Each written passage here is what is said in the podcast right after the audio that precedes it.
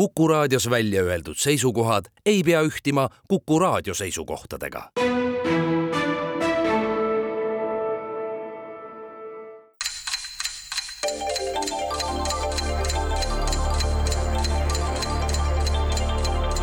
tarkade klubi targemaid küsijaid toetab lisateadmistega Postimehe raamatukirjastus tere päevast, head Kuku raadio kuulajad, minu nimi on Hannes Rumm ja nagu te olete juba harjunud, siis suviti Timo Tarve puhkab ja mina olen asendussaatejuht.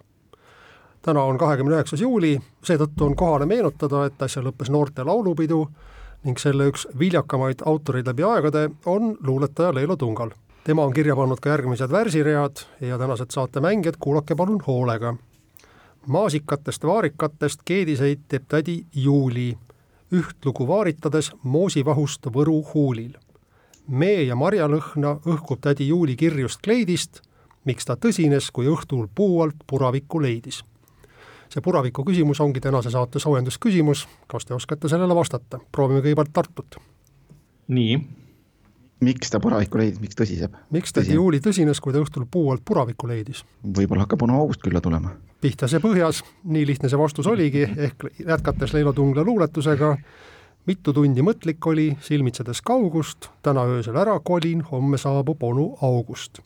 tartlased on heas vormis, vaatame, kuidas neil päris mängu ajal läheb ja siit ongi mul hea tervitada täna Kuku raadio stuudios kahte Tartu mängijat Tartu punavalge lipu all esinevad täna tarkvarainsener Priit Narusberg, Priit on õnnelik inimene, kes on sel suvel juba ehte-eestlaslikult puhanud, see tähendab looderdanud, terrassi õlitanud ja boilerit puhastanud.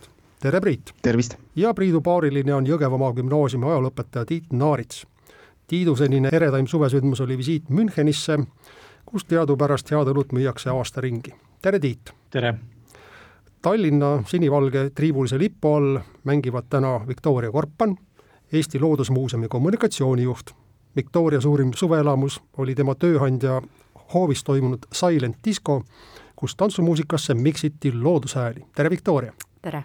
ja Viktoria paarilisena mängib kaasa Kuku raadio kuulajate vana hea tuttav Arko Olesk. Arko on Tallinna Ülikooli teaduskommunikatsiooni õppejõud ja presidendi haridus- ja teadusnõunik teadmisjanu on Arkol nii sügav, et ta tekitab seda juba ka oma väikestes lastes, viies pisipõnnid hiljuti Riia loomaaeda. tere, Arko! tere! ja nüüd lähme tänase saate teemade juurde, milleks on, ja vabandan kohe esimese teema häälduse pärast, Ukraina. Ukraina. aitäh, Viktoria! meil Aiaäärne tänavas, ei leiuta ja elu pole kerge, laulud nüüd lähevad, ah ilma naisteta nagu mängijad juba teavad, siis küsimuste teemad pärinevad tuntud lauludest ning vihjavad enam-vähem täpselt küsitavale valdkonnale. Ukraina oli õige, Viktoria? okei okay., see on Ukraina hümn, ehk näiteks selle konkreetse teema alt leiate täna tavapärased küsimused teemast Slava Ukraini. aga kuna tavapäraselt esimene valik on daamidel, siis palun, Viktoria, millise teema sa valid? kõige rohkem ma kardangi Ukraina teemalisi küsimusi, äh, kusjuures ja alustakski neist, siis saaks äh, sellega ühele poole. ja alustame siis esimese Ukraina küsimusega. mullu peaaegu täpselt aasta tagasi ehk kolmekümne esimesel juulil tabas Vene rakett suurettevõtja Oleksi Vadaturski villat. hukkus nii ettevõtja kui tema abikaasa. Vadaturski asutas tuhat üheksasada üheksakümmend üks firma Nibulon, pange seda nime tähele. selle firma muutis ta Ukraina suurimaks põllumajandusettevõtteks ja nüüd küsimus firma Nibulon kohta. firma asutamise ajal oli selle omanik kolmest riigist. vastavalt anti firmale ka nimi nii, et iga silp nimes tähistab ühte linna. üks silp tähistab seda linna, kus asub Nibuloni peakorter, kaksteist silpi tähistavad vastavalt kahte Euroopa pealinna. kui vastate õigesti kahe linna nime, saate pool punkti, kolm õiget linna nime annavad täispunkti hmm.. No seda sündmust ma mäletan Uh, siin tekib kohe küsimus, kas me räägime ukrainakeelsest uh, kirjapildist või uh,, või venepärasest kirjapildist, kas me räägime näiteks Mykolaevist või Nikolaevist? firma asutati aastal tuhat üheksasada üheksakümmend üks. Mhm. no siis üheks on London ilmselt ja London, London kõlab loogiliselt. näiteks Nik-, noh, Mykolaev, Mykolaev võib-olla, võib-olla ei ole ja kas nõrga B-ga on see? jah mm. -hmm Bu, nii mul on. vaata, ütle BU-ga nüüd Budapesti Bukarest mm, -hmm. eks ole, et et merepiir on mõlemal, mõlemil äh, Ukrainaga piir on Ungaril. Ungaril, aga mere poolest Rumeenial on vee, kui me räägime sadamatest ja niimoodi näiteks Transa üle mere, Ungaril seda, issand, mul praegu ei, ei ole, ei ole muidugi, see on Rumeenia ja Bulgaaria juba ja neil on seal nagu vahe-vahelt, noh, iseenesest mm -hmm. võib eeldada, et Ukrainal on Ungariga rohkem pistmist kui Rumeeniaga, et nii-öelda lähemal ja, ja vist, vist piiri ka, et siis pakume sinu ideede põhjal ära, et need linnad võiksid olla Nikolajev või Mõkolaiv, Budapest ja London. ja õige vastus kõlab nii.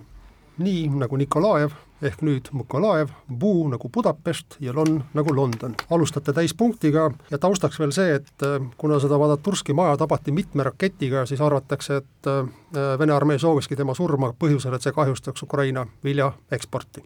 aga Tallinn on üks-null ees, Tartu, millise teema valite? no nii, on siis võimalus alati minna nii-öelda teiste sabas, valida lolli järjekindlusega või siis olla täiesti originaalne, nii et neli teemat on meil veel võtta. mulle hakkab esimesena laulud nüüd lähevad silma no aga võtame siis selle. võtame laulud. laulud nüüd lähevad ja järgmise küsimuse on saatnud Anu Kannike ja tõenäoliselt tartlastel oli mingi sisemine eelaimus, kui nad selle küsimuse valisid, sest see küsimus peaks sisu poolest rohkem sobima Tartule kui Tallinnale. ja küsimus kõlab nii. tuhande kaheksasaja kuuekümne üheksanda aasta laulupeol Tartus osales üheksasada lauljat ja pillimeest. algul lootis korralduskomitee pakkuda kõigile neile tasuta toitlustust, kuid rahapuudusel see õilis soov ei teostunud see-eest õnnestus korraldajatel pakkuda osalejatele Tartus tasuta majutust, millisel moel? tuleb öelda, et korraldajad olid oma ajast kõvasti ees, sarnaseid lahendusi mitmel erineval moel pruugitakse tänapäevani. no ma ei tea, siis see on mingi Airbnb või kodumajutus, jah, ega midagi nagu, mis variante veel tänapäevaselt. või siis tehti näiteks telklinnak eks ole, et niisugune, kuigi taulupeoga seoses mul meenub kohe, et seal oli räige paduvihm mingil päeval, et, et mm, -hmm. et see tilklinnak võib-olla poleks olnud parim lahendus, aga noh, mis ikka, halb õnn öeldakse selle kohta. vist mingeid ülikooli linnakuid, mis nagu stiilis olümpiaküla tolle, tollest ajast ei pärine mm,. nojah, et jah. teine, teine oleks olnud jah, see, et mingi ülikooli ühikas, aga minu teada ülikooli ühikaid kui selliseid tollal veel ei olnud jah, see tuli ilmselt seal. suhteliselt enamasti jõukad saksa, saksa mm. päritolu mm. aadlike lapsed, eks ole, et, et neil, neil oli raha endale ka. üheksateist lõpp, kakskümmend algust olid need esimesed minu meelest, jah, et, et ühikaid hakati ilmselt natuke hiljem ehitama ja mm. üliõpilaste arv ei olnud veel nii suur, et, et neid ühikaid oleks reaalselt mega palju vaja olnud. kuigi noh, võime siin täitsa valel, valel teel olla. aga, aga see Airbnb stiil, ühesõnaga kodumajutus, noh, selline, et tee, tee head ja, ja võta, võta keegi kostile endale, see, see nagu kõlab, kõlab täitsa loogiliselt. ja see kõlab ja, ka täiesti õigesti, lõikan siinkohal vahele, tõepoolest, eks te jõudsite õige vastuseni kohe, siis esimese laulupeo korralduskomitee tegi niimoodi, et avaldas Tartu ajalehtedes kuulutuse, kus palus siis peolised oma koju tasuta majutada. Ja niimoodi õnnestuski kõik üheksasada maalt vankritega linna tulnud Eesti laulu- ja pillimeest ära majutada. mäng on tempokalt alanud, seis on üks-üks Tallinn saab valida teema. ma pakun, et Arko valib, sest ma olin juba ühe korra saanud käevalgust. Äh, proovime siis näiteks leiutajaid. ja leiutajate küsimus kõlab niimoodi. seitsmendal märtsil tuhat kaheksasada kaheksakümmend neli andis Pariisi linnapea Eugène Pobel korralduse, mis osutus ülimalt ebapopulaarseks. eriti vihastas see majaomanikke. ajaleht Le Figaro naeruvääristas linnapea otsust nii, et prantsuse keele sõnastikesse tekkis ajuti selline sõna nagu pobell, mis tähendas ühte uut eset. õigeks vastuseks loen selle, kui te ütlete, mis ese oli pubell. Neid pidi iga Pariisi maja oma omanik hankima koguni kolm tükki. aga õige punkti saate ka siis, kui ütlete, mida pidid Pariisi majaomanikud kohustuslikus korras tegema hakkama ligi sada nelikümmend aastat tagasi. kas seda, mis me praegu kõik teeme, et sorteerime prügi või? Miks mitte, ma arvan, et, et see kõlab äh, päris hästi, sest äh, see on see ajastu, kus hakati pöörama väga palju tähelepanu hügieenile, no umbes siis vist keelati ka äh, säänis ujumine ära ja et noh, see reostuse probleemid olid väga suured, hobused roojasid tänavatele, autosid veel väga palju ei olnud.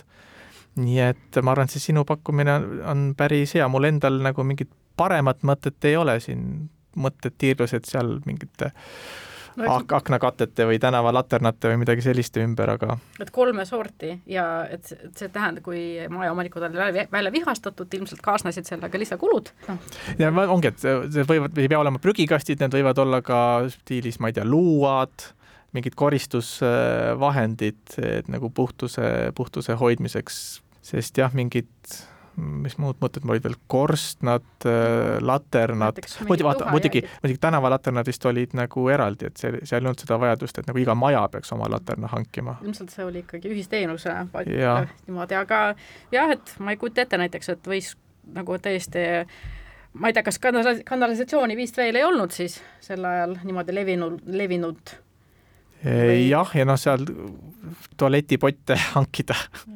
väga tempokas arutelu ei ole, sest ma jäin praegu ühe, esimesesse pakkumisse kohe kinni, aga nagu see ei pruugi muidugi õige olla. aga tundub, et võib-olla ma ei tea, miks see, miks see küsimus praegu küsitakse, et kuna noh, väga päevakajaline on see kõik, näiteks komposteerimise kohustus maal ja kõik see kuidas te siis oma vastuse sõnastate? üldnimetajaga prü prügikast. Pariisi linnapea Poubelle käskis siis sada nelikümmend aastat tagasi majaomanikel hankida kolm kaanega varustatud prügikasti ehk pubelli. vähe sellest, prügi sorteerimine on ette nähtud nii, et ühes kastis pidi olema tavaline mädanev prügi, teises kaltsud ja paber ning kolmandas Austria karbid, klaas ja savinõud. väga peen. kaks-üks Tallinnale ja Tartu kord on valida teema. Nonii, kas läheme mingi puutumata teema juurde või vali. võtame siis sellise naisteta teema, ilma naisteta. ah, ilma naisteta. See küsimus kõlab nii. eelmisel aastal tõusis ajakirja Forbes maailma saja kõige mõjukama naise edetabeli tippu uus liider. ajakirjandus ei väsi tema puhul imestamas selle üle, et ta elab ainult kahekümne viie ruutmeetri suurusest tillukeses toas otse oma kontori kõrval. toas on küll väike dušš ja tualett, aga pole näiteks aknaid. ja sellise elamise eest maksab maailma kõige mõjukam naine aastas kaheksateist tuhat eurot kui vaadata seda maailma saja naise, mõjukama naise edetabelit, siis enamus neist ilmselt ei teagi, kus Eesti asub. kindlasti pole enamus neist Eestis käinud, aga maailma mõjukam naine kaks tuhat kakskümmend kaks on lähiminevikus korduvalt Eestit väisanud. kes ta on? jaa, et vot seda, oleks nüüd seda tabelit näinud, siis oleks tark muidugi kasulikum. aga püüame siis nende nii-öelda infokildude põhjal midagi tuletama hakata. kahekümne viie ruutmeetrine kontor, maailma mõjukaim naine. peab olema siis äh, järelikult äh, noh, kohas, kus, kus pole häbi mingi tuhat viissada eurot kuus küsida kahekümne viie ruutmeetrise akendada kontori. mis erialal ta olla võib, no et pääseda mõjukamat, kas ta on poliitik, firmajuht, sportlane, muusik, instastaar, instastaar nagu ei tea, et oleks Eestis nii Äh, või Jah. võib-olla, aga, aga me ei suuda neid välja pakkuda nii-öelda Jah. ja keegi, keegi neist, neist pole väga Eestis käinud, sellepärast et see ei ole kindlasti nende elu eesmärk Mhm. Eestis käia. kas poliitik elas, elaks kahekümne viie ruuduses toas? jah, no minul esimene muidugi Greta Thunberg oli, aga ta, meelest- Greta ei ole käinud minu teada Eestis. ja kaheksateist tuhat tema ilmselt ka, Jah. ei maksaks. Mm, ta üritaks pigem mingit tasuta, tasuta asja endale sebida võib-olla Mhm. näiteks kasvõi põhimõtte pärast. Mina otsiks sportlaste seast, kes on kusagil mingis laagris, kus on ja, ja stiilis äh, alpimajakeses, aga ühtegi sihukest sportlast, nais, mõjukaim, mõjukaim sealjuures. mõjukaimad, Forbesi arvates mõjukaimad on äh, mingid korvpallurid, golfarid äh, e. Eestis käivad sul suusatajad ja Forbes ei tea nendest mitte muhvigi. nojah, tennisistid näiteks, tennisistid. aga õed Williamsid ei kujuta ette. Ei ole Eestis käinud. kindlasti Eestis käinud, eks ole. ja ülejäänud vist väga ei kvalifitseeru. Sviontek ilmselt ka mitte. poliitikuid on äh, kõige, kõige mõjukam naispoliitik, kas Lagarde, ei Lagarde. Jah. eelmine aasta Merkel ilmselt enam ei olnud. ei olnud jah. aga see Lagarde ei ole üldse halb pakkumine muidugi, aga ma ei tea tema ega Eesti käikudest mitte midagi. korduvalt ei tuleks küll nagu pähe. Noh, Merkel oli muidugi üks mõte, aga Merkel on mm -hmm. nüüd juba rajalt maas, et vaevalt, et ta tõusis siis tippu, kui, kui ta juba taandus. -hmm. et ei ole seda tabelit näinud jah, et, et selles mõttes pidanuksin ma sinna pilk, vilku viskama, aga, aga ei ole. popstaarikesi, kes on kellegi, ma ei tea, abikaasa ka veel. ja see korduvalt Eestis käimine, ikka natukene kuidagi ajab segadusse. eks see, kui öeldakse, siis, siis on muidugi, muidugi, muidugi noh, see muidugi äkki Zelenski proua, kes on, aga see läks sinna teise teema alla. proovas jah. teisi teeb, kuigi teda peetakse väga suureks siukseks nii-öelda noh, inspire-, inspireerijaks ja, ja kaane, kaane tüdrukuks ja nii edasi. kaks tuhat kakskümmend kaks on ta juba siis. aga, aga jällegi, kas Mr Zelenskõi ise on meil siin käinud korduvalt mm. Või kas proua, proua sealjuures on käinud, käinud sõltumatult härrast vara, varasemalt Eestis. no nii, Tartu no, poolelt see... on kosta pikem nõutus mm kas te suunast, suudate sõnastada oma vastuse? äh, ja kaheksateist tuhat eurot seal Ukrainas on päris kirve, kirve hind isegi temale võib-olla seal mm -hmm. küsida, et pigem, pigem tema tööruumid on võib-olla nagu ikka pigem ilma rahata. ma ei suuda mingit äh, siukest spordi või popistaari välja mõelda, kes filmimaailm ei no ei ole ju, selles mõttes nii. no järelikult on üks, aga. kelle Forbes saab panna. ma ei tea, Lagarde. jah jääme selle juurde, kuigi see on ilmselt vale, vale tupiktee meie, meie poolt. Tartu vastuseks jääb siis Christine Lagarde ja see on tõesti vale vastus. ja Tallinna kord, Tallinna mängijad olid üsna murelikud vahepeal, mulle tundus, et nad kardavad, et õige vastuseni te siiski mõtlete mm. ennast välja, aga jätsite neile võimaluse? no me siin tundub, et kumbki oma paberi taga jõudsime mõtetega üsna samasse kohta, et jah, et ma arvan, et poliitikud on see koht, kust otsida ja, ja ma arvan, et tartlased jätsid ühe olulise naispoliitiku maailmas kahe silma vahele, kes tõepoolest on siin Eestis käinud ka sellepärast, et tema juured on siin Eestis ehk siis, mis see oli, vana-vana-vanaisa või keegi teine seal kusagil Narva kandis äh, askeldas, ehk siis me pakume Ursula von der Leyenit. Ja see on loomulikult õige vastus, ta on Euroopa Komisjoni president ja kui see tema elutingimused tekitavad hämmastust, siis põhjusel, et kui ta viis aastat tagasi Brüsselisse tööle läks, siis ta otsustas, et ta tahab elada Euroopa Komisjoni peamajas, mille nimi on Berlaimon, talle võeti sinna üks tilluke toake, möbleeriti see nii hädapäraselt ära, et proua saaks seal elada ja siis selles tillukeses toakeses ilma akendeta ta ongi viis aastat vastu pidanud ja ausa inimesena maksab siis selle ruumi renti ka üsna soliidse summana. aga Tallinn läks kolm-üks ette, mul on tunne, et Tartu vajab väikest hingetõmbepausi, kuulame sellepärast ära reklaami, et Tartu pulss jälle normaliseeruks ja nad tuleksid edukalt mängu tagasi.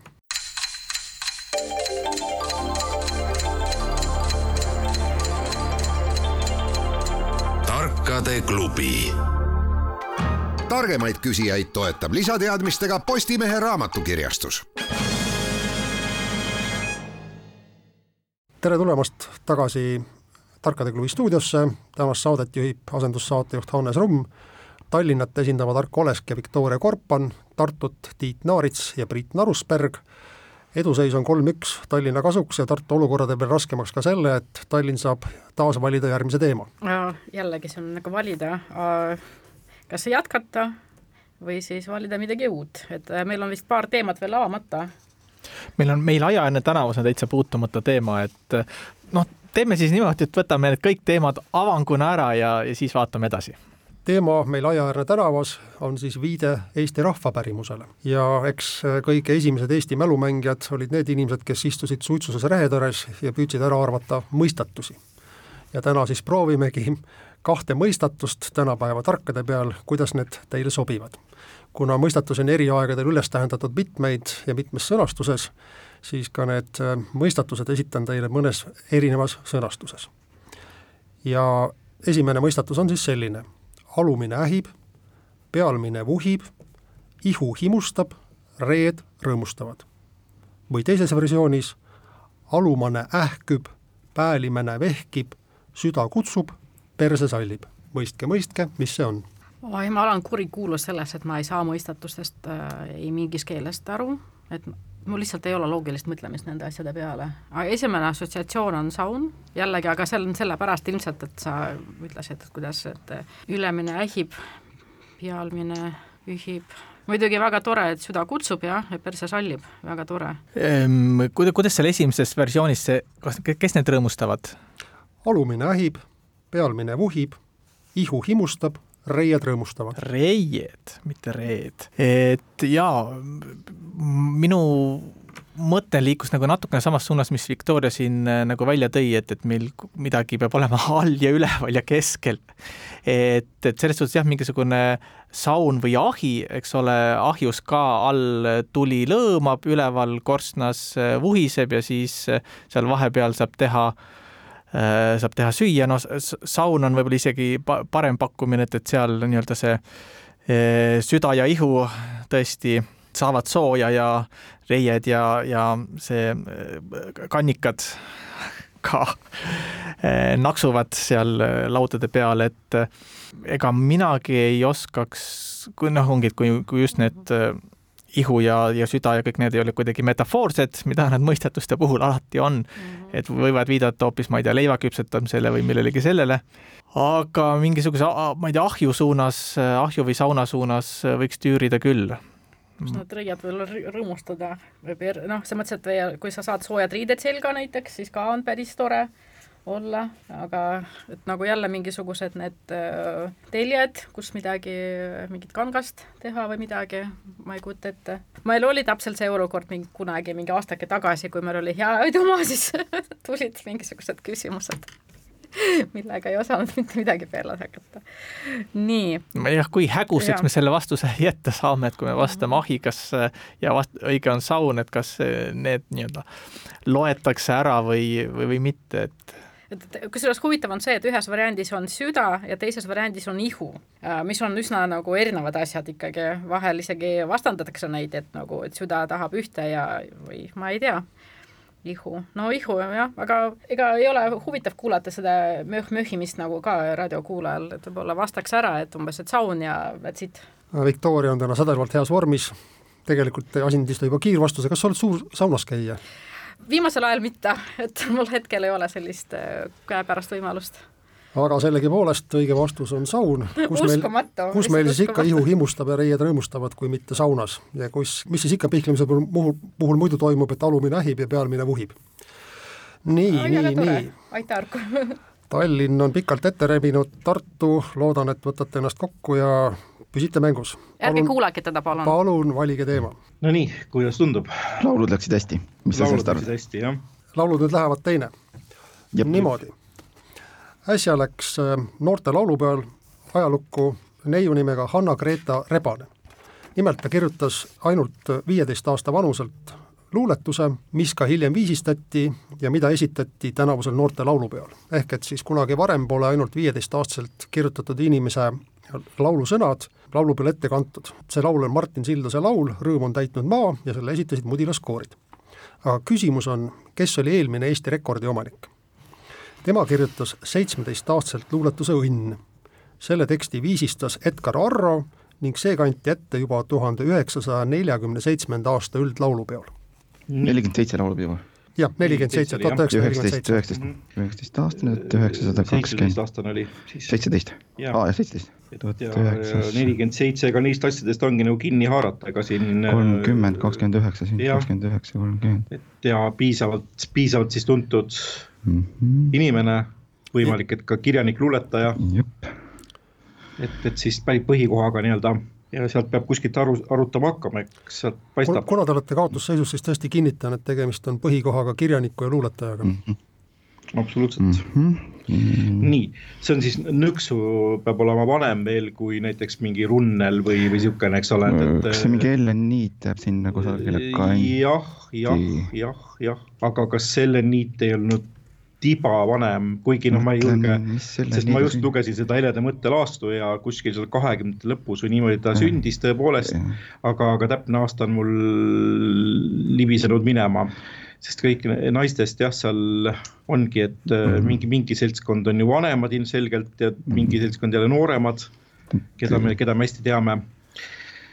ja Ellen Niit, see on jah, üks, üks mõte, mis jätta meelde et mm.. Äh, kas luuletuse õnni kirjutab pigem nais- või meespoeet või vahet pole mm,? nii ja naa, kuigi ja. seda fakti iseenesest ma ei ole kus, kuskilt nagu Ellen Niidu kohta ja. kuulnud, et iseenesest oleks põnev fakti, aga ma pole seda fakti üldse kuulnud, nii et, et seetõttu. Äh, viiekümnendat oli ta juba aktiivne küll. ja, ja ta läks kuskil neljakümnendate lõpus, äh, läks ta juba Eesti filli õppima Tartusse ja, ja, ja nii edasi, nii et, et ega ta oli päris, päris selline, et, et Ellen Niit ei ole üldse halb pakkumine, ta tõesti tõesti ja oli ja, ja, ja nii ongi. jälle katkestan teie arutelu, Ellen Niit on tõesti hea pakkumine, sest see on õige pakkumine. ja Tartu saab laulu teema all kirja juba teise punkti. nii, seis on neli-kaks, palun järgmine teema. kas võtame Ukraina küsimuse ära, kas ära võtame, see on küsimus, aga võtame ta ette vähemalt. nii, ja palun siis äh, järgmine Ukraina küsimus, mis kõlab niimoodi. kunstnik Otto Friedrich Theodor von Müller sündis tuhande kaheksasaja kaheteistkümnendal aastal Sõmerpalust pärit Vene mereministri ja admirali Otto von Mölleri pojana. kunstniku lapsepõlv möödus Tallinnas, kus ta isa oli Sõjasadama ehitustööde ülevaataja. pärast Peterburi kunstiakadeemia lõpetamist sõitis noor kunstnik tuhat kaheksasada nelikümmend Itaaliasse. Itaalias tellis temalt enda portree üks Ukrainas, Poltava kubermangus, Balšije Sorotšinõõs sündinud maailma kultuuri suurkuju mm. -hmm. kes? ja just see von Mölleri portree on tema loomingust kaugelt kõige tuntum, seda on korduvalt kujutatud markidel, seda on sadu kordi kujutatud Venemaal, Ukrainas, aga ka Eestis välja antud õpikutes. see on äh, Ševtšenko. no siin, siin ma nagu kuulen, usaldan äh, sind või no minu esimene mõte äh, on ka ikkagi keegi kirjanikust, aga, aga ma mõtlesin kõik need. ei no Taras Ševtšenko oli väga tunnustatud, seal nagu enam-vähem klapivad need. Äh, aastaarvud ka, aga, kas, aga ma küsin, küsin korra vahele näiteks mhm. Gogol. Gogol, äh, Sarotšinska, jaa muidugi Sarotšinska jarmarka, Gogol oli, äh, kusjuures Gogoli kohta küsiti eelmises saates ühel muide, kusjuures see Gogol oli ka vist, ma ei tea, kas ta kritseldas, aga kui me räägime ikkagi issand, ma tean ko-, oh, vabandust, issand, ma just nagu lugesin Gogoli kohta. mis, mis, mis ma mõtlen, et ongi, et temaga seoses kerkib alati silme ette mm -hmm. üks, üks kindel Poltava pilt. ja Sarotšinski ja muidugi Sarotšinska jarmarka, kõik see on Gogoli teema igal juhul. ja äh, sa, kus ta oli sündinud, vabandust? Poltava kubermangus Balšije Saratšinõõs. no, et Rassovtšenko ei sündinud seal, no siis Gogol issand jumal, see on nagu nii piinlik, ma kardangi neid küsimusi, see on kindlasti mingi pinna peal küsimus, kõik teavad nagu une pealt ja praegu vastan nagu viiskümmend, viiskümmend, et kui vastata umbes enam-vähem kaks varianti ja sest vist ajaliselt nagu klapib, see Tšehhov mhm. oli vist hilisem. ei, Tšehhov ei ole. üldse ei ole, okei, ühesõnaga no läheb siis Gogol. see või sa pakud või on sul veel mõni muu Itaalias. idee? Selles mõttes, et Ševtšenko äh, oli päris suuri kahjuks ja see tema väljaostmise nagu protsess oli hästi nagu äh, pikaajaline, ma ei mäleta, et oleks nagu palju reisinud. kui nad olid, said Itaalias kokku, eks ma sain aru. no siis nagu Gogol oli selles mõttes vaba mees, et äh, ja Sarotšinska järmarka, kõik see, vabandust, ma teen praegu kõike selleks, et me ei võidaks selle küsimuse, aga vastaks ära, et see on Gogol ja Gogol on loomulikult õige vastus. issand jumal, aga oleks nii piinlik olnud praegu Te kõik olete seda von Mölleri pilti oma kirjandusõpikutes näinud, võib-olla ah. ma ei tea, tänaseid kirjandusõpikuid, kas seda pilti seal veel reprodutseeritakse, aga enne muiste oli see küll krestomaatiline Nikolai Gogoli pilt. ja. ja taustaks veel nii palju, et see kunstnik von Möller ostis siis vanas eas ära Kaali mõisa, lasi mm -hmm. projekteerida sinna hiliskooti stiilis maja ning raiuda Kaali kraatri sisetülje, siseküljele astmestikku mm, -hmm. et pääseda järvele lähemale ja kuni surmani siis von Möller elas suviti Kuressaares, talviti mm -hmm. Peterburis. ja Tallinn on täna küll väga heas hoos, viies punkt läheb neile kirja. lihtsalt eksida see, et Ševtšenko on ikkagi äh, palju kuulsam kunstnikuna, ta oli ikkagi väga tunnustatud ja hea selles. võin repliigi juures vahele öelda, et äh, umbes kuu aega tagasi toimus Jõgeva gümnaasiumis järjekordne lõpuaktus ja gümnaasiumi lõputunnistuse said ka kätte kaks Ukrainast pärit noort õde ja vend, kes olid füüsiliselt küll meie koolis paar viimast aastat, aga, aga tegelikult lõpetasid Tšerkassas asuva Taras Ševtšenko nimelise keskkooli. nii et, et selles mõttes Taras Ševtšenko mul hästi meeles tänu sellele ja jääb hästi ilmselt meelde. no ei saa me läbi Ukrainata, nagu ütleb uuem Eesti no, kõnekäänd aga teeme siinkohal veel väikese reklaamipausi, enne kui läheme, jõuame saatega finišisirgele.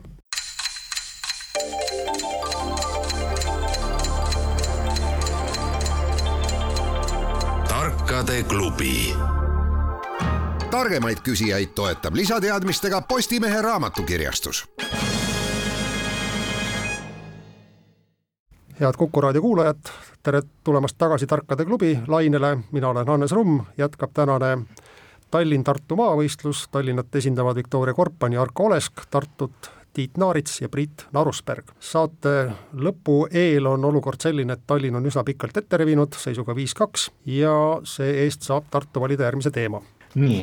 meil on veel pakkuda meil aiaäärne tänava, tänavas, ei leiuta ja elu pole kerge ja ah, ilma naisteta ja naised vedasid alt, ühesõnaga mm -hmm. meid ei viinud, viinud meid õigetele jälgedele eelmine kord mõistatusi ka ei taha mõistetada. no niikuinii saame lõpuks endale selle aga lükkame vähemasti vääramatuse kaugusse.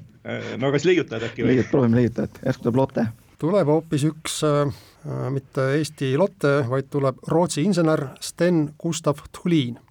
tema on mees, kes on läinud ajalukku tänapäevase kilekoti leiutajana. just sellesama kilekoti leiutajana, millega me oleme aastakümneid poest toitu koju vedanud Thulin mõtles tuhande üheksasaja viiekümne üheksandal aastal välja, kuidas toota odavalt suure kandejõuga kilekotte. Need patenteeriti ära, kakskümmend aastat hiljem kasutasid kilekotte peaaegu kõik Euroopa poed ja peagi järgnesid ka kõik USA suuremad kaubandusketid. aga küsimus on, mis motiveeris Thulini poja väitel geniaalset isa kilekotti leiutama? Need motiivid olid tollal pigem niisugused vastupidised või need tänapäevasele, et, et pigem selles nähtigi, et noh, et niisugune noh, korduvkasutatav, odav. miks mitte keskkonnasäästlik, eks ole, tollal ajal mõelda, võidi niimoodi täitsa mõelda veel kord. mida nad seni kasutasid, riided? riideskotid ja, ja mingid kastid, millega veeti ja siuksed asjad, nii et, et jah, see kilekott oli nagu selles mõttes alternatiiv. no tolleks ajaks oli muidugi ka see, et olid supermarketid olemas mm. -hmm. ja, ja võib-olla siis see, et noh, kuidagi, kuidagipidi Mingi... kompaktsem ja, ja ma ei tea, mida iganes. reklaamiteema tuli sinna vist hiljem peale või? mitte väga hiljem, ma arvan, ka see oli kindlasti argument, aga, aga ega jah, siin nagu sellist konkreetset mm -hmm. põhjendust ei ole, kui, kui ei ole asja, asja lugenud ega fakti ei tea. -hmm. kõik need, kõik need ideed võib veel välja pakkuda, eks ole, et, et seda peeti keskkonnasäästlikuks ja, ja, ja jah, korduvkasutatav, ühesõnaga mm. sai ka jumal, jumal teab mitu korda sellega poes käia ja ja kõik oma kaubad kiiresti-kiiresti kodu vedada ja mis, mis tahes veel. veekindlus, kergus. jah, see oli ka muidugi. kui riidest kott vetti, see läks raskeks mm. -hmm. vali üks kümnest, no ikkagi, ikkagi see keskkonna no,, keskkonnateema jällegi, mida, mida me välja pakume, mida seal, mis ka eelmises leiutaja küsimuses oli mm, -hmm. läbi käis nende kaude või otse. et, et ühesõnaga, et keskkonnasõbralik ja, ja, ja sihuke ühesõnaga eetiline värk jah, DDT-d peeti ka nagu keskkonnasõbralikuks ja. jah mm, tänan teid selle vastuse eest, aga kuulan ära, mida vastab Tallinn. mulle tundub, et noh, tol ajastul võib-olla see keskkonnateadlikkus võib-olla ei olnudki nii väga, ikkagi oli rohkem see, et kuidagi tööd vähendada või, või teha nagu elu, elu kergemaks. vabandust, mis aasta see oli, oli seal kirjas ka? tuhat üheksasada viiskümmend üheksa. Mhm. et no põhine küsimus nüüd ongi see, et aga mida siis kasutati enne? just, et minu esimene mõte oli see, et äh, tavaliselt äh, leiut-, ma paneb mingisugune probleemne olukord, et näiteks, et sa pead midagi uut äh, välja mõtlema, sest eelmist varianti ei ole või ei toimi. Ja siis esimene kiri, mis ma panin, oli paberidefitsiit näiteks, ma ei tea, kas oli sel ajal paberidefitsiit, oli äkki probleem, kas oli paberit vähem kui, kui seda, millest neid kilekotte tehakse aga võib-olla ei olnud, noh, mulle meeldis väga muide ilmastikukindlus, sellepärast et proovi sa ikkagi vihmase ilmaga paberkotiga jalutada mööda linna, kui sul mitu kilo toitu sees, et see on nagu tõesti et kui ta on Rootsis, on ilmselt ka seal ilmad vesised, aga mingil põhjusel mulle tundub, et see nagu ilmselt, ma ei tea, millega Eestis käidi poes sel ajal, ilmselt nagu mingisugust paber, paberkott äh,, riidekottidega. vist, vist käidi pigem mingite korvide ja võrkudega, et et eh, noh, jällegi, et ja, eh, tood, loogiline, tood sealt asju, määrdub ära, kõik mm -hmm. pesta keeruline või kui on riidest kotid, siis mm -hmm. pead nagu pidevalt pesema ja, ja näed, saad kohe nii palju aega ja vaeva kokku hoida, kui sa, kui sa ei pea neid asju pesema. me räägime ikkagi Rootsist, kapitalistlikus riigis viiekümnendates, ma ei tea, kuidas äh, seal oli, kuidas seal, kuidas seal puidutööstusega oli huvitav sel ajal? ei, ma arvan, et neil on vist see alati ikkagi olnud päris, päris heal järjel, et mm. -hmm. nii, aga kuna tegemist on jätkuküsimusega, küsimusega, siis sõnastage palun oma vastus. no pigem ma arvan, selliste nii-öelda see, see määrdumine ja pesemine, et et võib-olla siis selle mulle arvelt. see vastus kusjuures, et ma ei usu seda. võib-olla täitsa võib täitsa õige vastus olla, aga see tundub mulle täiesti, et miks nagu minu, minul jälle ei tundu, et kapitalist mõtlema, et oh, mis vaene pere naine. ja teie vastus on? ma, ma ei usu, et paberkottidega käidi niimoodi, et, et äh, ma jään selle nii-öelda määrdumise juurde, et vähendas pesu, pesemise või pesemise vaeva okay,. me võime selle lubada endale, selle ühe valu vastuse ehk. ja kaks pool punkti tuleb siit kokku Tartule, sest Tartu vastas ära pool vastust, tegemist oli siis tõesti niimoodi, et see mees tahtis säästa keskkonda, kuna viiekümnendatel aastatel, pane tähele, Victoria, Rootsis käidi poes paberkottidega, selleks, et paberkotte teha, raiuti metsa Just. ja see insener Thulin tahtis säästa metsa maha raiumisest ja sellepärast mõtles välja korduvkasutavad kilekotid mm, -hmm. tema küll kujutas ette, et neid kilekotte kasutatakse ikka ja jälle ja jälle, mitte ainult ühekordselt. nii et Tartu sai pool punkti mm, -hmm. Tallinn tegi vale valiku, jäi teisest poolest punktist ilma. ühesõnaga kahe meeskonna peale ma oleks saanud selle õige vastuse küll nii, aga läheme mänguga edasi. Tallinn, teil on viimane valik, meil Aiaäärne tänavas või Ah ilma naisteta. jätame siis mõistatuse tartlastele ja võtame Aitäh. selle naiste teema, olge lahked. naiste küsimuse autor on Aari Lemmik Washingtonist. kahe tuhande kahekümne esimesel aastal sai USA-s tänu ühele kõmulisele otsusele väga tuntuks Alaska föderaalkohtunik Sharon Gleason. tema nimelt tühistas president Donald Trumpi administratsiooni loa rajada Alaska looduskaitsevööndisse naftamaardla. Aga Sharon Gleason on Eesti päritolu. tema ema Veera sündis tuhat üheksasada kakskümmend viis Tallinnas Timotheus ja Veera Grünthali lapsena. kuulsa Alaska kohtuniku vanaisa oli üks väga kuulus Eesti poliitik, kes?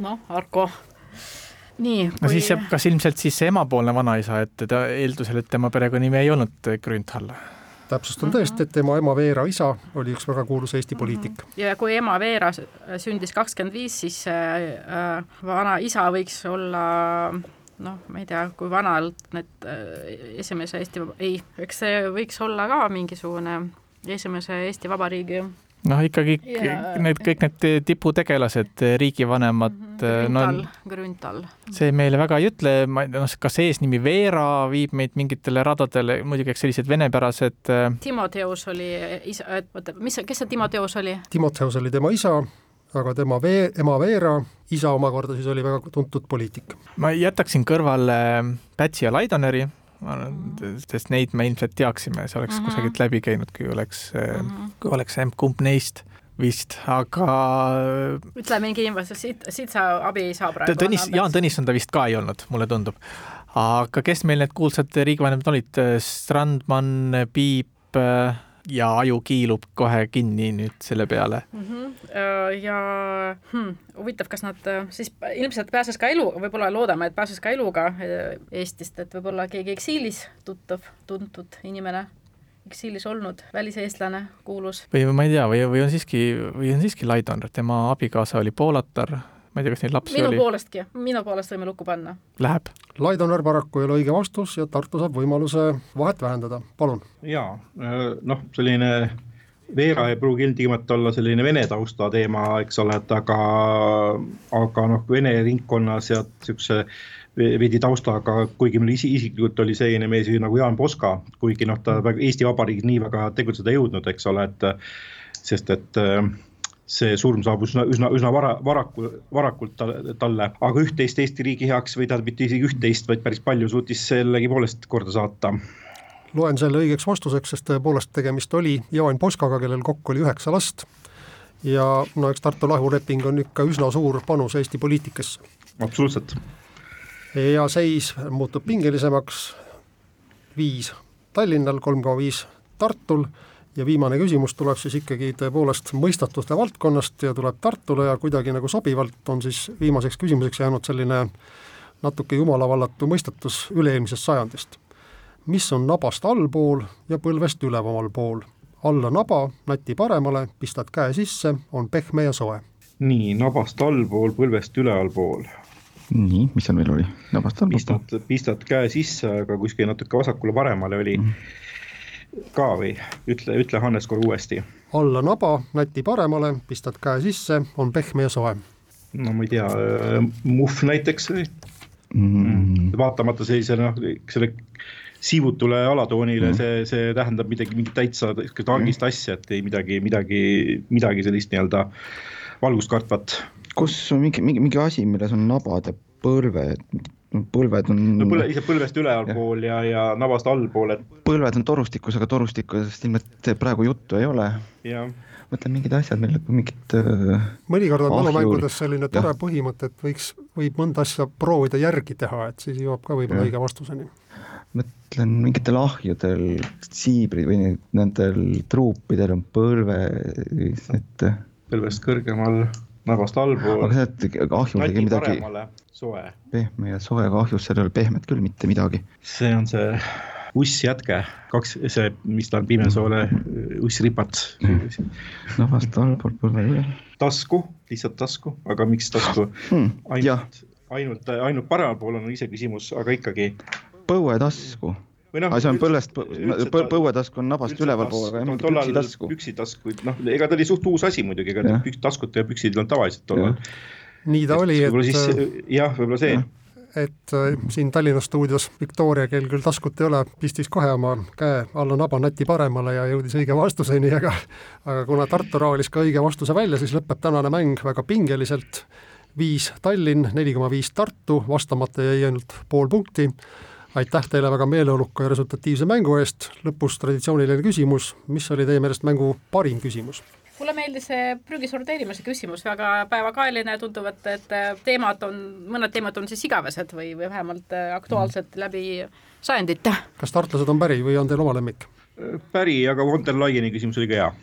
leiu-, mul, mul, mul see leiutaja küsimus selles mõttes, et oleks pidanud nagu ära traalima, selles mõttes, et jah, paber oli tollal mm. -hmm. nii, aga kuna ma täna eripreemiat välja ei anna, siis tunnustame kõigi nende küsimuste autoreid, keda siin mainiti. -hmm soovime teile päikselist suvenädalat ja loodame, et olete siis hästi välja puhanud ja värsked nädala pärast, kui taas Kuku raadios kohtume ja järgmise Tarkade klubi ära mängime.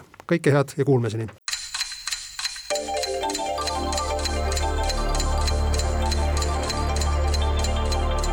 tarkade klubi targemaid küsijaid toetab lisateadmistega Postimehe raamatukirjastus